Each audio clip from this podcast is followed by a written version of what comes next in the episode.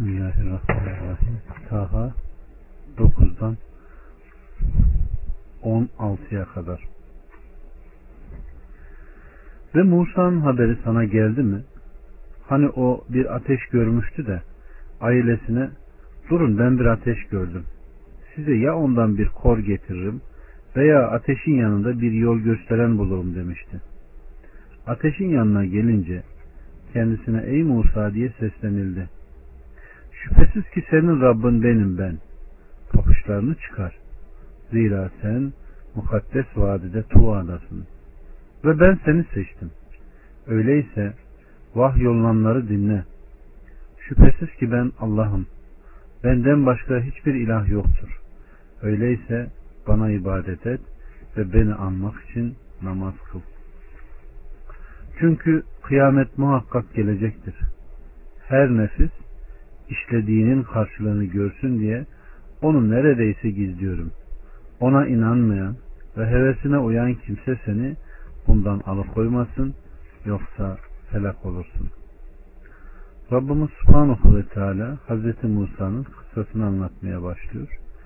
Ona vahyin başlangıcı ve Allah'ın onunla konuşması nasıl olmuştur bunları anlatıyor. Bunlar Hz. Musa'nın kayınpederiyle onun koyunlarını otlatma hususunda aralarında anlaşmış oldukları surenin bitiminden sonradır. Hz. Musa ailesiyle birlikte Mısır ülkesine yola çıktı. Oradan ayrılalı 10 seneden, 10 seneden fazla olmuştu. Yanında eşiyle beraber giderken yolunu kaybetti. Soğuk bir geceydi, bulutlu, karanlık, soğuk ve sisli. Dağlar ve vadiler arasında bir yerde konakladı. Adet olduğu üzere ateş yakmak için yanında bulunan bir çakmak taşını çakmaya başladı. Ancak çakmak çakmıyor, ne bir şelale ne de başka bir şey çıkmıyordu. O bu durumda uğraşıp dururken Tuğ Dağı tarafından bir ateş göründü. Sağ tarafından orada bulunan dağ yönünden ona bir ateş göründü. Ailesine müjde verir ki durun ben bir ateş gördüm. Size ya ondan bir kor getiririm veyahut başka bir ayette yahut ısınmanız için ateşten alev olan bir kor getiririm dedi. Evet. Bu onun yolunu şaşırmış olduğuna dalalet eder.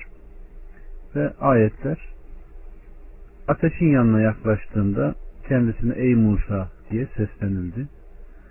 Böyle buyurulurken başka bir ayette feyizli yerdeki vadinin sağ yanındaki ağaçtan ey Musa şüphesiz ben alemlerin Rabb olan Allah'ım diye seslenildi buyurulmuştur.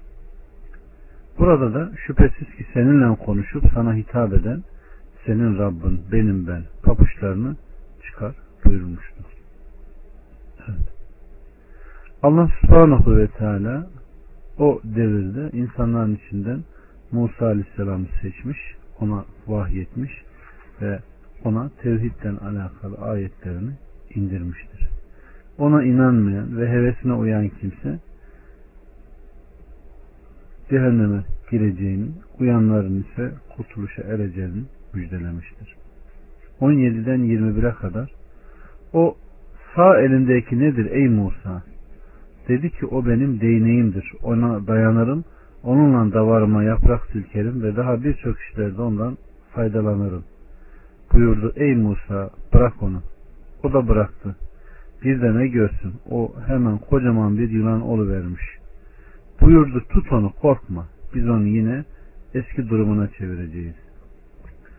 Allah subhanahu ve teala Musa aleyhisselama vermiş olduğu bir burhan, büyük bir mucize ve harikulade bir şeydir ki böyle bir şeye Allah'tan başkası güç yetiştiremez ve bunu ancak Allah tarafından gönderilmiş bir peygamberin getireceğine dalalet eder. 22'den 35'e kadar elini de estağfurullah elini de koltuğunun altına koy ki diğer bir mucize olarak kusursuz bembeyaz çıksın. Bununla sana daha büyük bir mucizelerimizi gösterelim. Firavun'a git. Doğrusu o azdı. De ki Rabbim göğsümü aç. İşimi kolaylaştır. Dilimden de düğümü çöz ki sözümü anlasınlar. Kendi ailemden bir vezir ver bana, kardeşim Harun'u, onunla destekle beni. Onu işimizde ortak yap ki seni daha çok tesbih edelim ve seni daha çok analım. Şüphesiz ki sen bizi görmektesin.